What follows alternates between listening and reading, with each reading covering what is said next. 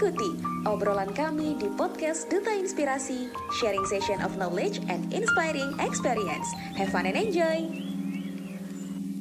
Assalamualaikum warahmatullahi wabarakatuh. Shalom, Om Swastiastu, Nama Budaya, Salam Kebajikan. Halo Sobat Inspirasi yang ada di seluruh Indonesia. Gimana nih kabarnya? Semoga Sobat Inspirasi selalu dalam keadaan baik dan sehat ya. Ada istilah yang mengatakan tak kenal maka tak sayang. Untuk itu, izinkan saya untuk memperkenalkan diri. Perkenalkan, saya Mega Dugrasia, selaku Duta Inspirasi Provinsi Papua Barat, batch keempat. Nah, beberapa waktu ke depan kita bakalan ngobrol tentang satu kegagalan tidak berarti kamu gagal selamanya. Menarik sekali bukan? Siapa nih yang pernah merasakan kegagalan? Pastinya semua orang pernah dan akan mengalami itu. Oh iya Sobat Inspirasi, pastinya saya tidak sendirian, saya akan ditemani narasumber kece, berprestasi, dan pastinya menginspirasi. Siapa lagi kalau bukan Kak Rido Akbar, selaku Duta Kesehatan Mental Ikatan Mahasiswa Psikologi Indonesia tahun 2019, Duta Genre Provinsi Jambi tahun 2018, dan juga Duta Bahasa Provinsi Jambi tahun 2020. Oke, tanpa basa-basi lagi, kita sapa dulu ya. Halo Kak Rido, apa kabar? Halo Mega, Alhamdulillah baik dan luar biasa. Mega gimana kabarnya? Puji Tuhan baik Kak. Sebelumnya aku mengucapkan terima kasih banyak karena Karido sudah berkenan hadir dalam podcast episode kali ini. Suatu kebanggaan untuk aku sendiri karena bisa sharing dan ngobrol bersama Karido. Oh ya, untuk Karido, supaya lebih akrab dengan Sobat Inspirasi, alangkah baiknya Mega persilakan Kak Rido memperkenalkan diri terlebih dahulu kepada Karido dipersilahkan. Oke baik, halo Mega dan juga teman-teman uh, ataupun sahabat inspirasi yang mendengarkan podcast. Perkenalkan terlebih dahulu ya, karena tadi kata Mega di depan tak kenal maka tak sayang, tak sayang maka tak cinta. Nah kalau tak cinta kita tak aruf ya nanti ya. Oke, sebelumnya perkenalkan dulu nama aku Rido, Rido Akbar Hazet. Teman-teman biasanya manggil aku Hazet atau Z ya atau juga Do gitu karena memang mungkin nama Rido terlalu pasaran. Terus uh, kesibukan saat ini aku kerja di beberapa biro, klinik dan juga rumah sakit ya uh, apa poli asisten psikolog di poli rumah sakit. Kemudian aku juga aktif sebagai penyiar radio di beberapa stasiun radio kemarin ya. Sekarang lagi aktif juga, terus podcaster juga plus uh, kesibukan lainnya di luar dari akademik karena udah selesai kuliah. Seperti itu Mega. Produktif banget ya Kak Rido. Sebelumnya nih Kak, boleh nggak sih kasih tahu ke Sobat Inspirasi apa saja prestasi dan pencapaiannya Kak Rido pernah raih? Oke, baik. Terima kasih Mega pertanyaannya ya. Jadi uh, sejauh ini Alhamdulillah ya, kalau aku dipercaya di beberapa tadi sudah disebutkan juga sama Mega. Di tahun 2019 aku sempat dinobatkan atau telah menjadi ya duta kesehatan mental YPI wilayah satu gitu regional satu. Kemudian tahun 2018 aku berkesempatan mewakili provinsi Jambi dalam ajang pemilihan duta genre provinsi Jambi di tingkat nasional. Kemudian di tahun 2020 diberikan kesempatan juga dan kepercayaan sebagai wakil dua ya atau terbaik tiga duta bahasa provinsi Jambi tahun 2020. Kemudian di 2019 juga sempat ikut uh, seleksi pertukaran pemuda antar negara dan menjadi wakil satu untuk uh, Indonesia Korean Youth Exchange Program. Wah, benar-benar banyak dan keren-kerennya Sobat Inspirasi. Yang itu baru setengah deh. Oke, baiklah Kak. Lanjut kita masuk topik pembahasan kita pada hari ini mengenai satu kegagalan bukan berarti kamu gagal selamanya. Hmm, kegagalan pasti sudah tidak asing lagi di telinga kita dan pastinya semua orang akan atau telah mengalami itu. Nah, aku mau nanya nih Kak, apa sih definisi kegagalan menurut Kak Rido sendiri? Oke, jadi kalau itu sesuatu yang menurut kita kan kayak pandangan personal masing-masing ya terkait kegagalan. Mungkin kalau sahabat yang mendengarkan mungkin punya perspektif sendiri terkait tentang kegagalan itu sendiri. Kalau kegagalan menurut saya pribadi itu adalah ketika kita uh, diberikan kesempatan kedua untuk melakukan sesuatu yang lebih baik lagi gitu. Jadi mungkin ketika kita melakukan satu hal tersebut di uh, satu posisi, kita tidak berhasil mencapainya, kita diizinkan kembali untuk mencoba di satu sisi yang sama atau kegiatan yang sama atau mungkin uh, situasi dan kondisi yang sama, atau kita diberikan kepercayaan untuk mencoba sesuatu yang baru. Jadi kegagalan itu bukan berarti uh, kita tidak berhasil gitu, tetapi mungkin memang belum diberikan kepercayaan untuk bagian tersebut.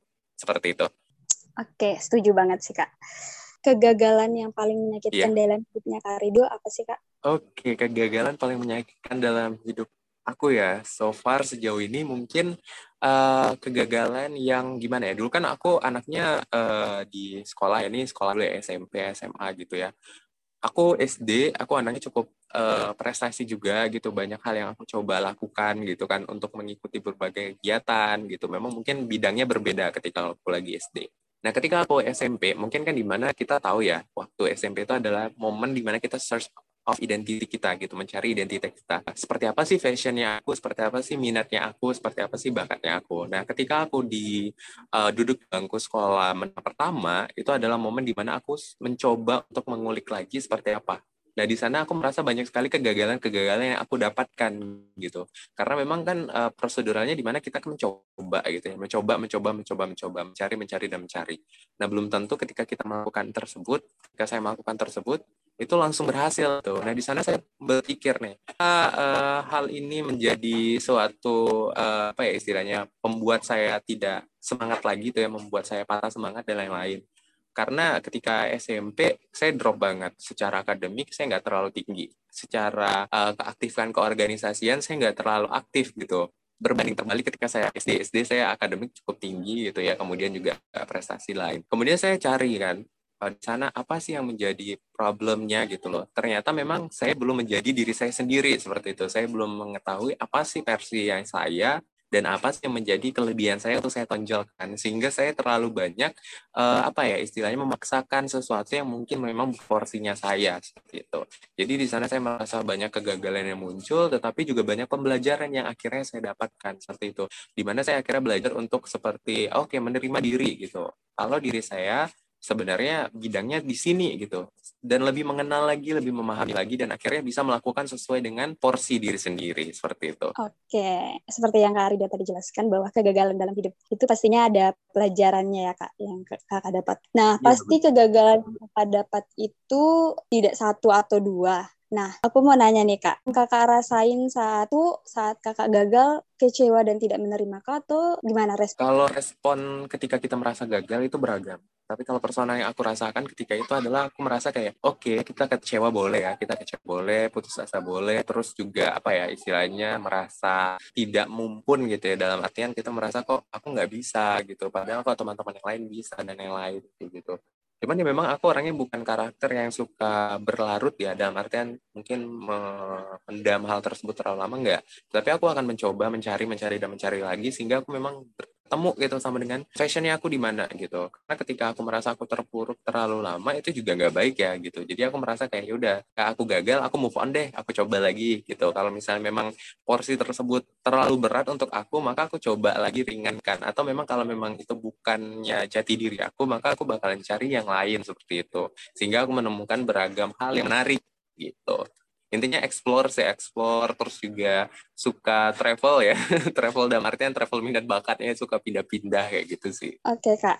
Pelajaran yeah. yang kakak dapatkan saat mengalami kegagalan itu apa kak? Bisa diceritakan ke sobat inspirasi? Oke okay, baik. Tadi uh, aku sudah sedikit mengulik ya pelajaran apa yang akhirnya aku dapatkan dari ketika aku merasa gagal. Jadi satu hal yang perlu kita tanamkan dalam diri kita itu sobat inspirasi. Pertama, merasa gagal, merasa kecewa, merasa tidak uh, mampu dan lain-lain itu adalah hal wajar. Ketika memang kita baru mengenal hal tersebut seperti itu. Kita memang baru uh, mencoba hal tersebut. Dan hal wajar kalau kita merasa marah, sedih, dan lain-lain seperti itu, kecewa terhadap diri sendiri. Tetapi teman-teman harus yakin, sobat-sobat harus yakin dan posisi yang saya rasakan ketika itu saya juga yakin gitu mungkin kegagalan yang saya dapatkan sekarang akan memberikan saya banyak pelajaran. Contohnya gini, ketika kita mengikuti suatu kegiatan tertentu atau mengikuti aktivitas tertentu, mungkin uh, targetnya ditanamkan bahwa kita akan menjadi sesuatu dari kegiatan, misalnya juara gitu dan lain-lain. Kalau uh, menurut saya personal, ketika saya sudah belajar sejauh yang saya pahami seperti itu, terus juga dukungan dari orang tua, orang tua dan uh, yang saya alami selalu mengatakan seperti ini, menang atau kalah itu bentuk hasil akhir result gitu ya. Kalaupun menang yaitu bonus, kalaupun memang kita nggak mendapatkan hal tersebut, maka kita akan mendapatkan banyak pelajaran lain ketika kita mengikuti prosesnya seperti itu. Dan ketika mengikuti proses tersebut, kita kan terbangun ya secara mental, fisik, kemudian knowledge gitu ya, pemahaman, experience-nya more gitu ya, more than before gitu lebih banyak lagi, lebih upgrade lagi seperti itu. Nah, poin terpentingnya tuh di sana ternyata gitu loh. Dan semenjak saat itu akhirnya aku menanamkan dalam diri aku bahwa ujung atau result itu adalah bonus yang kita lakukan adalah menikmati, enjoy gitu ya, terus uh, ambil sebanyak banyaknya pengalaman yang didapat gitu ya sehingga kita menjadi pribadi atau personal lebih bagus lagi seperti itu. Nah di sana pun aku akhirnya juga belajar untuk memahami lebih lanjut gitu ya. Oke nih kita udah kenal dengan diri kita sendiri, kita udah kenal gitu, terus kita harus paham gitu diri kita ini seperti apa dan lakukan dan akhirnya kita menimbulkan gimana uh, posisinya kita cinta gitu. Love yourself. Kita mencintai diri kita sendiri. Kita kira uh, menghargai diri kita sendiri. Dan akhirnya kita mengapresiasi diri kita sendiri untuk lebih maju dan lebih mengupgrade uh, segala sesuatu yang ada seperti itu. Jadi kegagalan tersebut membuat kita belajar banyak hal tanpa kita sadari ketika kita memang menikmati proses yang ada seperti itu. Nah masih berbicara mengenai kegagalan menurut Karido alasan kenapa sih setelah mengalami kegagalan, seseorang tuh gampang menyerah begitu saja dan susah termotivasi untuk bangkit lagi. Banyak uh, alasan ya, sebanyak multidisiplin, banyak multidimensi terkait perspektif tersebut. Uh, mungkin ketika banyak ya kita kita nggak tahu nih personal dan apa istilah background pembangunan diri seseorang itu kan berbeda-beda ya. Banyak hal yang berpengaruh bisa jadi tadi seperti yang saya sampaikan sebelumnya ketika mengikuti kegiatan tersebut atau mengikuti sesuatu yang menjadi fashion minat gitu atau keinginan dorongan kayak gitu ya yang menjadi apa keinginan kita gitu. Kita merasa kayak kita lupa gitu untuk menikmati gitu. Oh boleh ambisius boleh banget ambisius tuh boleh. Kita instingnya memang harus ambisius gitu ya. Tetapi kita harus tahu batasan-batasan. Kita harus menyiapkan kemungkinan-kemungkinan ketika nanti ke depannya hal yang kita inginkan itu jadi tidak terwujud kayak gitu. Ataupun bisa jadi mendapatkan uh, sesuatu yang lebih ataupun berbeda gitu ya dari yang kita inginkan. Dan di sana kita belajar gitu.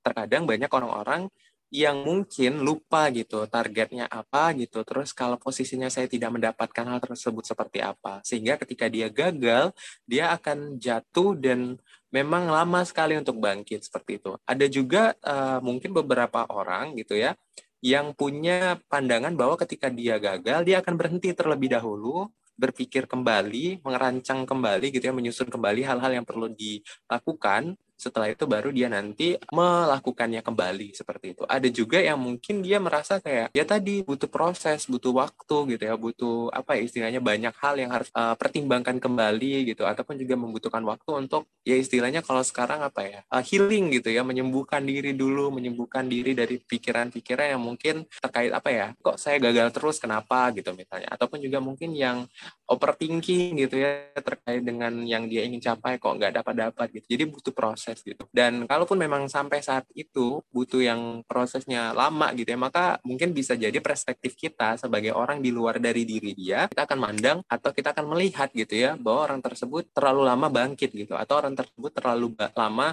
diam gitu dengan posisi dia di dalam kegagalan tersebut. Itu yang tadi uh, bisa menjadi perspektif kita bahwa oh ini orang lama ya gitu ya bangkit dari kegagalannya gitu atau juga ada juga yang misalnya dia punya apa ya istilahnya bouncing bone atau daya juangnya lebih tinggi Nah, itu ketika dia jatuh, dia langsung bangkit. Itu ada juga. Jadi memang karakteristik, background, dan personality seseorang itu kan berbeda. Jadi untuk proses bangkitnya juga bakalan berbeda. Seperti itu. Jadi jangan khawatir teman-teman. Sekali lagi, merasa gagal, merasa tidak mampu, dan lain-lain. Apalagi pertama kali kita mencoba gitu ya, itu adalah hal yang wajar. Kalaupun memang kita sering terus melakukannya, ambil hikmah di balik kegiatan tersebut, di mana kita akhirnya bisa belajar kan, untuk istilahnya menambah lagi wawasan, upgrade self gitu ya, dengan uh, proses yang sudah kita lewati gitu. Jadi jangan khawatir, jangan sedih. Boleh, tapi jangan terlalu lama dan terlalu larut. Oke, okay.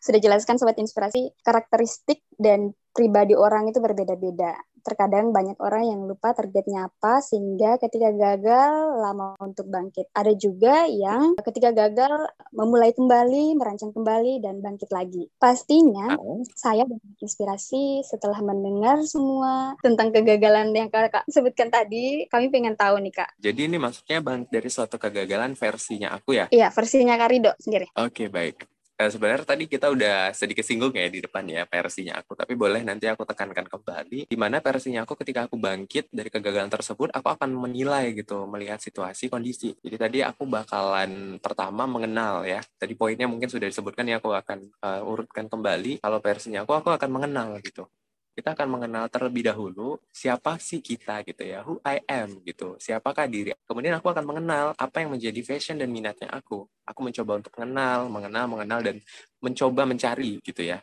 sudah kenal kita sudah kenalan gitu istilahnya ya. Kalau dalam prosedural aku kita sudah kenalan, baik itu dengan diri sendiri dan juga apa yang ingin kita capai, maka kita pahami dalam memahami tersebut maka tersusun bagaimana kita mencari target gitu ya. Terus juga kita mencari uh, sesuatu yang mungkin bisa kita kembangkan gitu ataupun juga kita bisa uh, lakukan lebih jauh. Kita pahami seperti apa langkah satu dua dan tiga gitu. Terus juga memahami lebih jauh apa yang harusnya kita lakukan dan apa yang tidak boleh kita lakukan. Terus memahami kembali memahami dalam proses kegagalan aku sebelumnya kenapa gitu. Akhirnya kan ada poros ada proses pembelajaran lebih lanjut dari pemahaman tersebut. Setelah aku kenal dan aku paham, maka aku lakukan. Karena kalau misalnya cuma hanya wacana ya di kepala gitu, hanya wacana, sudah banyak hal yang kita lakukan, riset terkait udah penuh di kepala gitu ya, secara personal gitu ya, riset personal, tapi nggak dilakukan ya juga nggak akan mewujudkan hasil seperti itu. Jadi memang kita harus melakukan. Jika kita sudah melakukan, maka akan timbul gitu dua efek,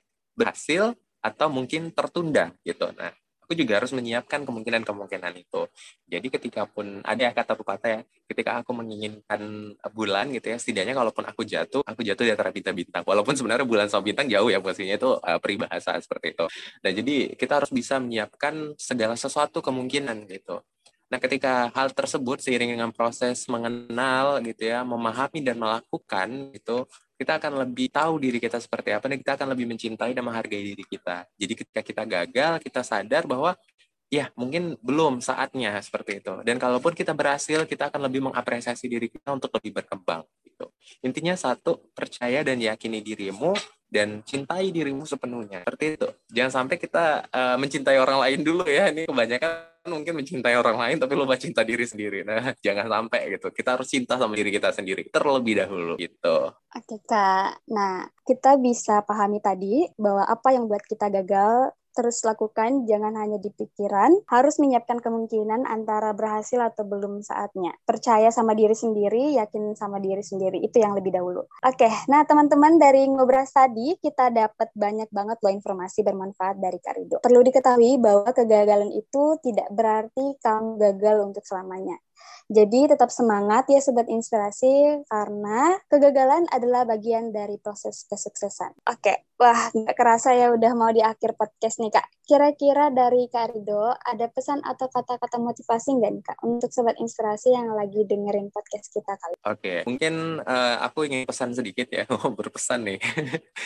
Mungkin kalau teman-teman gagal, nggak apa-apa. Merasa sedih tadi yang aku udah jelaskan nggak masalah. Itu hal wajar gitu. Yang setiap manusia pasti alami. Tetapi sejauh apa teman-teman meresapi hal tersebut, itu sendiri yang menentukan. Sejauh apa teman-teman berlarut, itu teman-teman sendiri yang menentukan. Satu pesan aku, teman-teman, eh, memahami, pertama mengenal, memahami, dan melakukan di mana proses tersebut teman-teman bisa mencintai diri teman-teman. Karena yang terpenting dari uh, proses yang kita lakukan adalah kita menikmati. Setelah kita menikmati maka hasilnya adalah bonus. Seperti itu. Just one I want to talk to you guys. Believe and trust in yourself and love it more than. Jadi harus lebih mencintai diri sendiri, jangan mencintai orang lain terlalu berlebihan gitu ya. Oke itu aja sih. Oke kak, itu tadi pesan dan sekaligus closing statement dari Kak Rido, sobat inspirasi. Ya. Terima kasih untuk Kak Rido sudah berkenan hadir dan mengisi podcast ya. kali ini. Dalam acara ngobras mengenai satu kegagalan dan bukan berarti kamu gagal selamanya. Semoga sobat inspirasi yang mendengarkan podcast ini bisa terinspirasi. Sebelum ditutup, boleh dong Kak spill Instagramnya biar kita bisa saling mengenal. Oke, okay. oh, harus ada spill Instagram juga. Oke, okay. uh, eh, teman-teman semuanya, mungkin kalau misalnya tadi pembahasannya mungkin kurang dalam gitu ya, aku kebetulan juga sering banget cerita-cerita ataupun juga nerima teman-teman kalau mau curhat cerita lebih lanjut ataupun juga mau diskusi santai, ringan dan lain-lain, aku terbuka banget. Silakan teman-teman follow Instagram aku di Rido Akbar Hazet tanpa spasi ya dan hurufnya kecil semua itu aja sih. Nanti kita bisa ngobrol, ngobras asik lagi lanjutan ya mungkin berapa lagi di sana gitu, baik chat ataupun telepon. Terima kasih teman-teman semua. Oke, terima kasih Karido. Jangan lupa di follow ya teman-teman. Oke, baik. Terima kasih untuk Sobat Inspirasi dan Kak Rido. Mungkin sampai sini dulu nih podcast kita hari ini. Jangan lupa untuk dengerin podcast dari Duta Inspirasi episode selanjutnya ya. Sampai jumpa. Duta Inspirasi Podcast bergerak terinspirasi, berdampak menginspirasi.